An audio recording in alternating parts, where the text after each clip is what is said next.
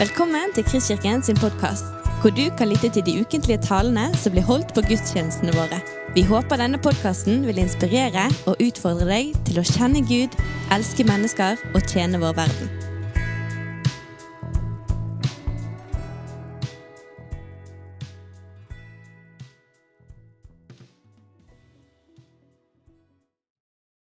Eh, Det er veldig kjekt å kunne få være her igjen. Jeg har jo vært eh, en av de som har fått besøk besøke gudstjenester gjennom eh, dette veldig rare året.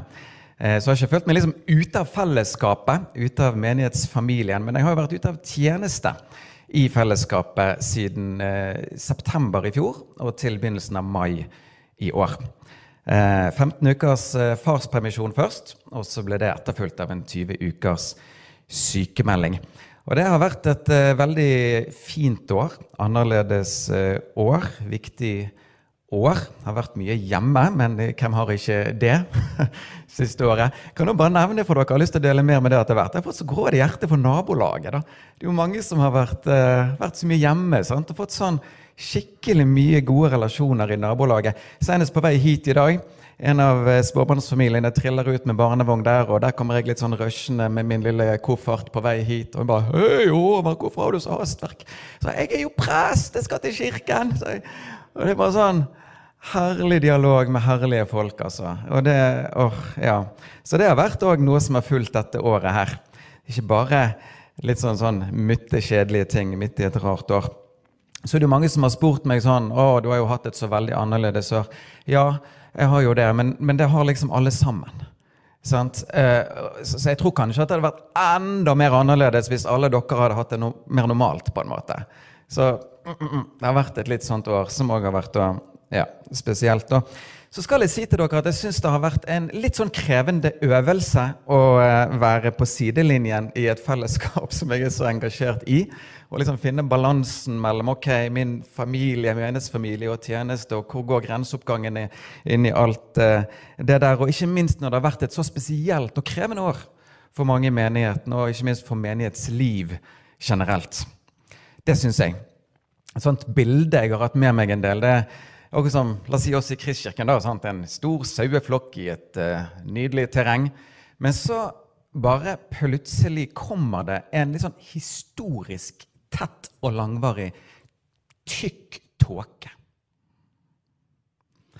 Og som gjør til at vi mister liksom synet av hverandre. Som gjør ledelse vanskelig. Man roper ut et eller annet, men det er ingen feedback. Og så, ettersom tiden går, da, så begynner det å melde seg et litt sånn element av spenning. Det er litt sånn Hva bilde kommer vi til å øyne her når tåken letner? Det, det, det er sånn bilde jeg har hatt med meg litt. Grann. Og her er jo variasjonene kjempemange. Sant? Noen vet jeg har hatt et fantastisk rikt år. Og er litt sånn i slutten av Habakuk 3 der sånn Alt er galt. Ingenting skjer. Ingenting vokser. Men jeg fryder meg i Gud. sant? Alt er feil, men Gud. Sant? Noen har jo vært helt der. Mens andre har opplevd troskrise dette året her. Masse frustrasjon, ensomhet, tungsinn, kanskje en bitterhet mange, eller flere i alle fall jeg har snakket med, har opplevd en litt sånn dalende tilknytning til, til, dette fellesskapet, som jo er 100% naturlig. Og her skal vi gi stort rom for mange ulike si, opplevelser som har vært i kroppene dette siste året. Men jeg tror òg at for mange av oss så har dette året brakt med seg eh, en eh, oppdagelse av menighetens verdi og viktighet. Kristenliv er ikke sololiv. Og eh, vi er mange som gleder oss til ting normaliseres litt mer igjen. Og eh, jeg kan iallfall si at jeg er en av de som ønsker å søke Gud og arbeide for at vi skal komme oss raskt, raskt på fote igjen. Og eh, ikke bare være et fellesskap som samler gjengen, men òg får sendt og utrustet da, gjengen. Jeg hørte en pastor si her om dagen at en eh, si, menighetspåvirkningskraft i samfunnet består ikke i hvor mange man samler, men hvor mange man sender. Jeg syns det var et veldig godt ord. Og min bønn er at Kristkirken skal få være et sånt samle- og sende fellesskap. Vi har behov for å erfare kjærlighet, men det er det veldig mange andre som òg har. Så ja. Så vil jeg gjerne dele litt sånn her og der, litt om det året jeg har bak meg. Men eh, jeg har lyst til å finne en litt annen arena enn denne gudstjenesten for akkurat det. Eh, jeg vil bare kort, før vi hopper videre, si to ting. Det ene er takk for omsorg, som er uttrykt. Og det andre er at jeg har lyst til å understreke at det er ikke for, kjedelige forhold med Kristkirken som har gjort til at jeg har vært sykemeldt, bare sånn at den er plassert. Det har vært ting av mer personlig karakter. Ja. Så er det veldig flott for meg å kunne stå her i dag og si at uh, kjærligheten min til Gud er kraftig fordypet etter dette året. Det er helt nydelig å kunne få si. Um, og kanskje som et lite tegn på det For jeg kjente liksom sånn at uh, nå så har jeg liksom cirka, kanskje, den følelsen som mine to jenter på fire og seks år hadde i går formiddag, da vi hadde vært på Europris. Vi hadde kjøpt uh, et oppblåsbart badebasseng med flodhesthode. Når vi kom hjem, fylte vi det opp med vann, og i yrende glede så eh, tok de igjen og igjen løpefart og hev seg ut i det bassenget. Og der er jeg litt nå, da. Faktisk. Litt sånn eh, Si det rett ut, litt sånn klar for å bli ferdig med innledningen. Fordi at den teksten jeg har fått jobbe med, den har bare vært så rik og fantastisk når jeg har utsatt meg foran. Det er en stråletekst som overhodet ikke ser særlig stråle ut ved første øyekast. Faktisk så ser han ganske kjip ut. Jesus kommer på en måte ikke så godt fra det ved første øyekast. om vi skal være litt ærlige. Han virker litt tverr. litt furten. Liksom, Skjønner dere ikke? Liksom, tar ikke dere det heller? Nei, de var imot meg, jeg går. Jeg over. Liksom, hvorfor tror dere altså, Når vi bare leser den Jesus altså Hvis vi bare hadde hatt disse versene her om Jesus Kristus, så er det liksom ikke den der følg meg-stemningen som står igjen. Men dette er ved første øyekast. Stopper vi opp, dykker på dette stedet i denne teksten, så trer det fram skatter og rikdommer. Flere av de veldig relevant for norske Jesus-etterfølgere i 2021. La oss lese teksten. Markus 8, 10-21. Straks etter gikk han i båten sammen med sine disipler, og han kom til bygdene ved Dalmanuta. Da kom fariseerne ut og ga seg i ordskifte med han. For å sette han på prøve krevde de et tegn fra himmel av ham. Han sukket i sin ånd og sa, Hvorfor krever denne slekt tegn? Sannelig sier jeg dere, ikke skal det bli gitt denne slekt noe tegn. Og han forlot de. Han steg igjen i båten og dro over til den andre siden, men de hadde glemt å ta med brød og hadde bare et eneste brød med seg i båten. Da bød han dem og sa, Se til og ta dere i vare for fariseerne surdeig og for Herodes surdeig. De sa da seg imellom, Dette sier han fordi vi ikke har tatt med brød. Han merket det og sa til dem, Hvorfor tenker dere at det var fordi dere ikke har brød med? Forstår eller skjønner dere ennå ingenting? Har dere slike harde hjerter? Har dere øyne og ser ikke? Har dere ører og hører ikke? Minnes dere ikke da jeg brøt de fem brød til de fem tusen, hvor mange kurver fulle av brødstykker dere da tok opp? De sier til ham tolv. Og da jeg brøt de sju brød til de fire tusen, hvor mange store kurver fulle av stykker tok dere da opp? De sier sju. Han sier til dem, forstår dere ennå ikke? All tekst i Guds ord har selvfølgelig en kontekst. Men noen passasjer har mer behov enn andre for å forklart, for å få forklart kontekst. Og dette er en sånn tekst. Så nå må dere lage et lite kart i hodet. For det som holder på å skje her, det er det at Markus holder på å fortelle fra en periode i Jesu liv der Jesus beveger seg i området rundt Galileasjøen i Nord-Israel. Tre fjerdedeler av denne sjøen grenser da til landområder med jødisk befolkning, henholdsvis Galilea og Iturea, men i sørøst grenser en fjerdedel av sjøen til Dekapolis, et ikke-jødisk område med ikke-jødisk befolkning. Ifølge Wikipedia betyr Dekapolis ti byer på gresk. Her er det ti byer som er gruppert sammen i et område fordi det er likhetstrekk i språk, kultur, politisk status. Og hør Fram til midten av Markus 7, for å gå litt tilbake her, så har Jesus hatt sitt primære opphold og sitt primære virke i de jødiske landområdene rundt denne sjøen. Mye stråle har skjedd. Helbredelser, befrielser, tegn, under. Noe av det siste som skjedde, brødunderet med de 5000 menn foruten kvinner og barn, der tolv kurver ble til overs. Men så er det òg kraftige konfrontasjoner i de jødiske landområder, for det fins en gruppering. Fariseerne, datidens religiøse, åndelige ledere og trendsettere, de var der, og de likte ikke Jesus. Og etter en åpenlys konfrontasjon med de, vi er nå i Markus 7, 24, like før dagens tekst, så ønsket Jesus en periode med anonymitet. Så hva gjør Jesus? Han drar til Tyrus og Sidon. Og hvor er det? Det er nord for Israel. Ikke-jødisk befolkning.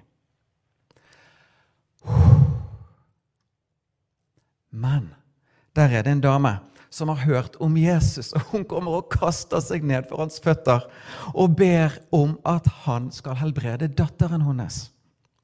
Jesus trekker på det. Vi vet fra Matteus evangelium, der får vi litt mer tak i hans argumentasjon. Den lyder litt parafrasert, ca. sånn som dette, kanskje med brød brødunderet i bakhodet. I denne omgang har jeg fokus på det jødiske folk. Nå er det de som får brød. Men da sier denne damen, kanskje viten om at det nylig ble tolv kurver til overs i det jødiske landområdet Kan jeg bare få en brødsmule? Jesus ærer henne og helbreder datteren. Og med det, kjære venner så har òg ikke-jøder på ikke-jødisk jord begynt å nyte godt av Jesu liv. Halleluja, får vel vi her oppe si. Og der begynner det en ball å rulle. For etter dette, og vi er nå i Markus 7, 31, og nærmer oss enda mer dagens tekst, så dro Jesus til Galileasjøen igjen, men nå gjennom Dekapolis Ti byer. Og der helbreder han en ikke-jødisk mann på ikke-jødisk jord. Med det resultat at folk strømmer til han i ørkenen, hvor det ikke var brød å spise. Og hva skjer? Et nytt brødunder. Ikke en og annen brødsmule Nei, Guds overflodsliv hadde òg kommet til ikke-jøder på ikke-jødisk jord. Syv kurver til overs.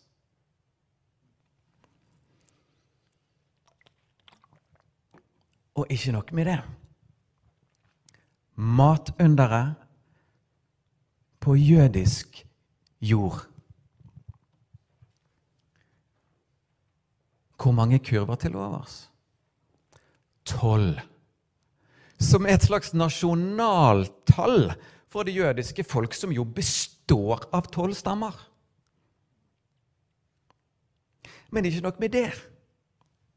Når de tolv stammene i sin tid dro ut av Egypt sammen med Moses og skulle innta det lovede landet, så var jo ikke det et landområde som var kjemisk fritt for folk. Nei, det bodde jo folk der. Hvor mange?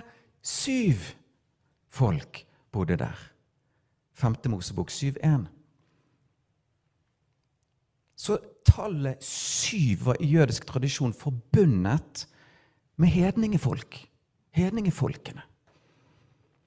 Og da venner, begynner vi å nærme oss igjen dagens tekst. Og Vi skal nå bare gå gjennom den på nytt med litt mer lys over kontekst og med noen underveiskommentarer. Straks etter gikk han i båten, altså etter brødunderet i Dekapolis, gikk han i båten sammen med sine disipler over på andre siden og kommer til bygdene ved Dalmanuta. Og Enkelte bibelkommentarer sier at Dalmanuta var en slags datidens høyborg for fariseere. Så han drar rett inn, seiler rett inn i vepsebolet. Og hva skjer? De nærmest marsjerer ut imot han. Og bare sånn Der er du, og går rett i strupen. Fariseerne kommer ut og gir seg i et ordskifte med han for å sette han på prøve krever de et tegn fra himmelen av han. Litt parafrasert. For at vi skal bli overbevist om at du er Messias, vil vi ha tegn fra himmel av deg, slik som flere av våre fedre ga overnaturlige greier. Gir du oss det, skal vi vurdere saken på nytt. Men den ånd der kjente Jesus igjen fra en tidligere hendelse. Er du Guds sønn, så gjør ditt og gjør datt. Er du Guds sønn, så si til disse steiner at de skal bli til brød. Så kast deg ned fra tempelet, så bøy deg for meg og for mine krav. Jesus merket at her lå det gjerne en fristelse. Men det var noe hardt her. Det var noe lukket. Han støtte på vantroens krav om tegn. Så veldig annerledes enn troens bønn om hjelp. Jo da, han var vant til at mange lurte på hvem han var, men tonen her var en helt annerledes enn den f.eks. Nikodemus kom med i sin oppriktige søken den natten. Helt annerledes enn den tonen som var i spørsmålet fra Johannes, døperen, der han fra fengselet spør via sine venner Er du den som skal komme? Så Jesus sukker i sin ånd og sier, 'Hvorfor krever denne slekt tegn?' Sannelig sier jeg dere, ikke skal det bli gitt denne slekt noe tegn. Og han forlot de. Det er litt sånn av alle generasjoner på kloden Hvorfor krever denne slekt tegn? Og kanskje ligger det innbakt i her en utfordring til noen av oss, egentlig. For der står disse fariseerne som har Gud som sitt store livsprosjekt, og skuer mot himmelen, kjempeåndelige som de jo var. Men Jesus sukker og prøver å hjelpe menneskenes blikk til jorden. Og det er nærmest som vi hører han si det samme som englene sa til disiplene etter himmelfarten. Hvorfor står dere og ser opp mot himmelen? Ser dere rundt. Det himmelske er kommet til dere. Guds rike er nær. Gud er kommet til jorden. Det florerer av tegn foran øynene deres. Det florerer av tegn på hvem som er her. Alt dere har lest om og kan og vet om Messias, oppfylles like foran øynene på dere. Til og med at han bringer overflod til hedningefolkene. Dere vil ha flere tegn. Tegnet på hvem som er her, finnes i de tegn som alt er gjort.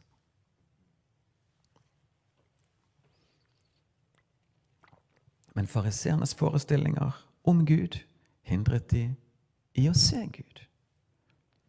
Noe hadde over tid fått utvikle seg i deres liv og fastlåst blikket, og Jesus forlot de. Betenkt. Alvorstynget. Jeg har bare lyst til å smette inn her.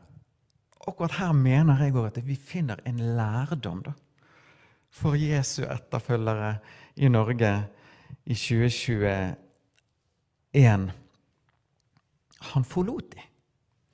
Altså, noen ganger ser vi at folk forlot Jesus. Men vi ser òg at Jesus forlot folk. Og her er det noe vi skal ta med oss, for det at òg i dette kalles vi til etterfølgelse. Det er ikke alle samtaler som skal tas selv om de handler om Gud. Ikke alle åpne dører er åpnet av Gud. Nehemja hadde denne veldig viktige evnen til å kunne skjelne mellom hvilke debatter han skulle inn i, og hvilke han skulle la fare. Veldig interessant å se på Nehemja. Altså, ah, jeg går ikke inn den døren. Det, er ikke, det er ikke Gud som har sendt. Liksom. Han er veldig tydelig. Og Paulus veileder den unge Timoteus i akkurat samme gate. Kan se på dette sjøl i 2. Timoteus 2. Styr unna ordkriging. Du kan kjenne når det blir krig, når det er hardt og steilt og til ingen nytte. Ikke bruk kreftene dine der, Timoteus. Det springende punkt venner, synes å være hvilken ånd som er bak ordene, ånd som er bak samtalen. Og her i dette kalles vi også til etterfølgelse av Jesus.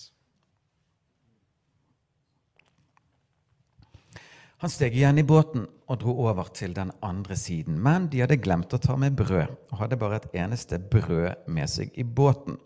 Så det var en ganske kort visitt i Dalmanuta der. Og vi må få lov til å bare si at det er jo litt grann komisk òg. At de kommer rett fra et brød under med syv kurver til overs, og så er problemet i båten at de ikke har brød. Ok, men det er situasjonen. De har bare med ett brød. Og mens disiplene står og ser på dette, så er det tydelig at Jesus har tankene et helt annet sted. Den siste samtalen der satt i Og når brød blir tema i båten, så bryter han ut i en kombinasjon av alvor, men òg omsorg for vennene sine. Se til å ta dere i vare for fariseernes surdeig og for Herodes surdeig.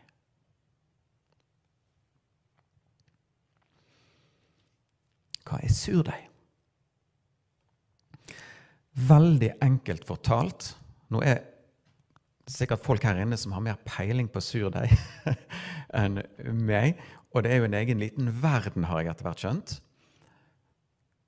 Men veldig enkelt fortalt oppsummert så er det en egen, separat masse bestående av mel og vann som over tid gjærer. Når man skal bake brød, tar man noe av den massen og legger inn i deigen. Den trenger da inn i deigen og påvirker den på ulike måter. Og gjør bl.a. at deigen hever. Men ok. Disipler er blitt vant til etter hvert at når Jesus sier noe, så mener han gjerne noe som er litt dypere. Så en gjettelek begynner. Hva er det Jesus egentlig mener? Og plutselig ser de lyset. Dette sier han fordi vi ikke har tatt med brød.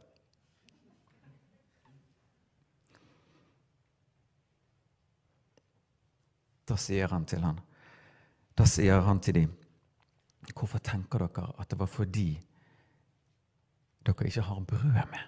Forstår eller skjønner dere ennå ingenting?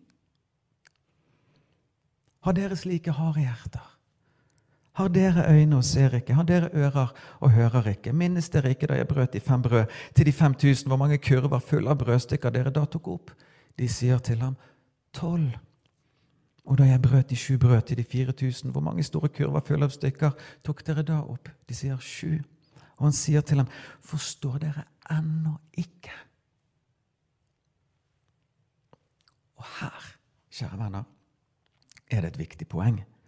Og det er at på dette tidspunktet har ennå ikke noen av disiplene bekjent Jesus som Messias. Det kommer i vår tekstrekkefølge neste søndag. På veien til Cesarea Filippi der. Hvem sier folk at jeg er? Hvem sier dere at jeg er? Du er Messias, den levende Gud. Altså, Peters bekjennelse slår inn seinere. Her ligger det òg en veldig fin og viktig sak. Jesus presser ikke trosbekjennelser på mennesker. Jesus overtaler ikke mennesker til å tro på seg. Men han venter på at åpenbaring finner sted. Men på den tiden florerte altså tegnet på hvem som var der. Og derfor dette ennå-ordet forstår dere ennå ikke er lyset ennå ikke gått på. Har dere harde hjerter? Ser dere, men ser ikke. Hører dere, men hører ikke. Forstår heller ikke dere ennå hvem jeg er? Hvor mange kurver til overs i det området? Tolv. Hvor mange i det området? Syv. Skjønner dere? Og når vi vet det vi vet Og så får lov til å sitte her med helhetsbildet og grave og studere og ikke skal ta det på sparket der, sånn som de andre i båten Altså, Jeg kjenner, jeg får lyst til å hoppe opp i den båten og bare Det er dette han egentlig mener! Sant? Fariseerne, dere Hvis jeg hadde stått i båten nå sant? Bare, de krever tegn fra himmelen, men se dere rundt? Tegnet på hvem han er, ligger i de tegn som allerede er gjort. Hans rike er kommet nær. Han er den som skulle komme. Han er jødenes konge, men han er folkeslagenes konge. Han er her. All jordens overflodskonge er kommet. Frelsen kommer jo fra jødene, sa han til kvinnen ved brønnen der borte. Men den er ikke bare for jødene. Alt av Messias-profetier oppfylles like foran øynene på dere. Og hvis jeg hadde fått litt mer taletid i båten, så hadde jeg sagt akkurat dette. Denne kongen kommer jo med sitt rike til jorden. Som han har sammenlignet med en surdeig som altså begynner i det små, men som har sterk påvirkningskraft, og som han lengter etter skal forfylle våre hjerter, våre tanker, våre liv. Men venner, det som gjør at han sier dette, det som gjør til at han er så bekymret og betenkt, er at det er flere sterke surdeiger i omløp. Og noen av de er virkelig ikke bra, og de har betydelig påvirkningskraft til et sånt nivå at de rett og slett ikke ser at man rett og slett ikke ser Jesus. Det er ikke bare Jesus som vil ha innflytelse i livene våre, som vil prege tankebaner, holdninger. Det er kamp, venner. Det er kamp om tankene våre. Det er kamp om livet vårt. Det er kamp om livssynet vårt. Derfor, se til å ta dere i vare for fariseernes surdeig og Herodes surdeig. Og i veldig grove trekk representerer disse to gjenkjennelige greier. Loviskhet, lovløshet. Det ene med et galt bilde av Gud, den andre med et bilde uten Gud. Det ene med knallhard disiplin og anstrengelse for å blidgjøre Gud. Den andre med fullt frislipp, for det fins ingen Gud. Fariseerne forteller hva som er åndelig korrekt. Herodes hva som er politisk korrekt. Begge har mennesket i sentrum. Ingen av de, ingen av de har behov for nåde.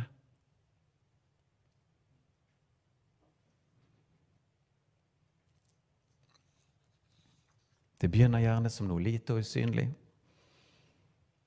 men kan etter hvert i det skjulte bre om seg så mye det hvert farger livssynet helt dit at man rett og slett ikke ser Jesus.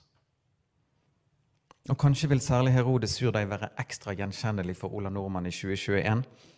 Herodes, konge i jødisk land, men han løp romernes ærend idet romerne søkte å gjøre jødisk kultur, jødisk folk, lik romernes kultur, og gjøre de til romere. Og vi hører nærmest Herodes ånd. Jøder, legg bort Gud! Lev i frihet, sus og dus. Glem Gud, lev som du sjøl vil. Har du lyst, har du lov. Det fins ingen Gud. Gud er gått ut på dato, jøde.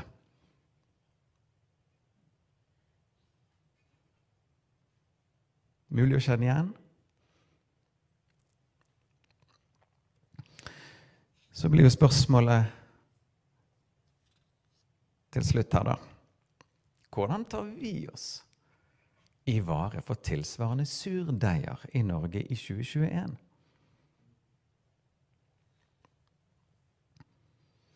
Det er nok veldig mange gode svar på det.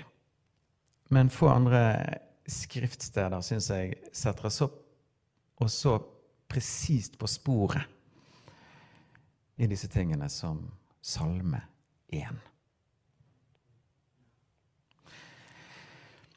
Og med det så beveger vi oss nå på slutten her, bort fra gutta i båten, kommer tilbake til de neste søndag. Så går vi inn for landing ved kong David sine føtter, som levde tusen år tidligere.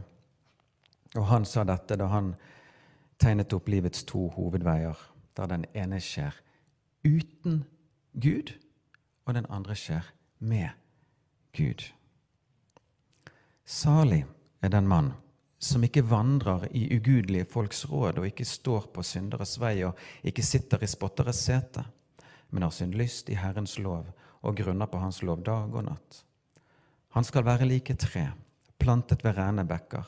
Det gir sin frukt i sin tid, og dets blad visner ikke. Alt det han gjør, skal han ha lykke til. Slik er det ikke med de ugudelige. De er lik agner som vinden blåser bort. Og jeg stopper der. Men den oppmerksomme lytter får her med seg at det tales to ganger om en retning som òg bærer i seg en progresjon, en utvikling. To ganger begynner det med en bevegelse, og så ender det med en tilværelse.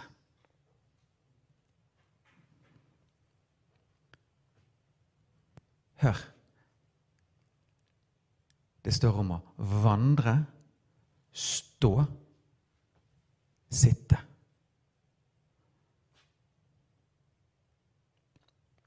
Det begynner med at man over tid lar seg lede av folk som ikke medregner Gud. Den reisen ender ofte med et ståsted, eller skal man kalle det for et standpunkt, som leder videre inn i en tilværelse. Og fiffig nok en tilværelse i et domssete. For du har jo ingen over deg, så du blir alles dommer. Og prosessen her fra bevegelse til tilværelse skjer gjerne, som med surdeigen, over tid. En sakte påvirkning, men man ender opp med et livssyn som virkelig har bredt om seg i tankene et livssyn uten rom for Gud. Dessverre, får man vel si, sammenlignes man her med agner, eller luftige kornskall, som kan havne både her og der, alt etter som vinden blåser. Ta dere i vare for surdeig som ikke leder til meg, sier Jesus. Men så tegnes det også i salmen 1 et annet liv, som starter i det lille. Med en bevegelse, og som ender opp i en tilværelse. Denne gangen med Gud. Salig er den som beveger seg til, oppsøker og inkorporerer Guds ord i sitt liv. Han vil òg få et ståsted. Han skal løftes opp av Gud og bli plantet.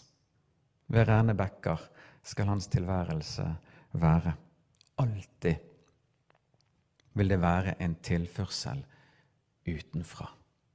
Alltid er man på rett sted, uansett hva livet bringer. Uansett hete eller kulde, temperatur og sesong. Bladet på dette treet visner ikke. Det fortsetter å gi frukt, for i treet bor Gud.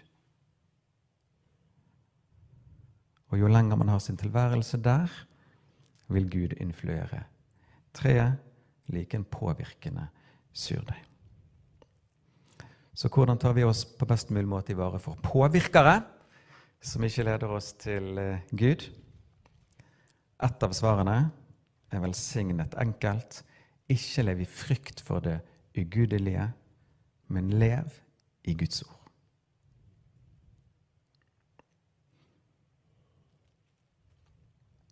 Da vil du i nærkontakt med hans røst, hans ånd, hans visdom litt etter litt erfare at han vinner terreng i ditt hjerte og i ditt sinn.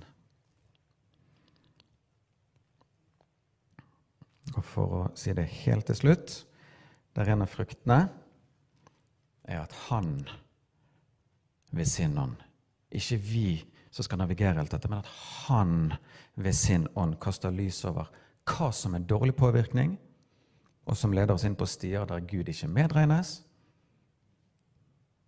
og hva som er skikkelig bra påvirkning, og som leder oss inn i et liv der vi kan istemme med nettopp kong David. Alltid har jeg Herren for mine øyne. Det finnes òg god surdeig. Du har lyttet til en podkast fra Kristkirken i Bergen. Vi håper du har blitt inspirert og utfordret i din vandring med Gud. Vil du vite mer om oss, så klikk deg inn på kristkirken.no.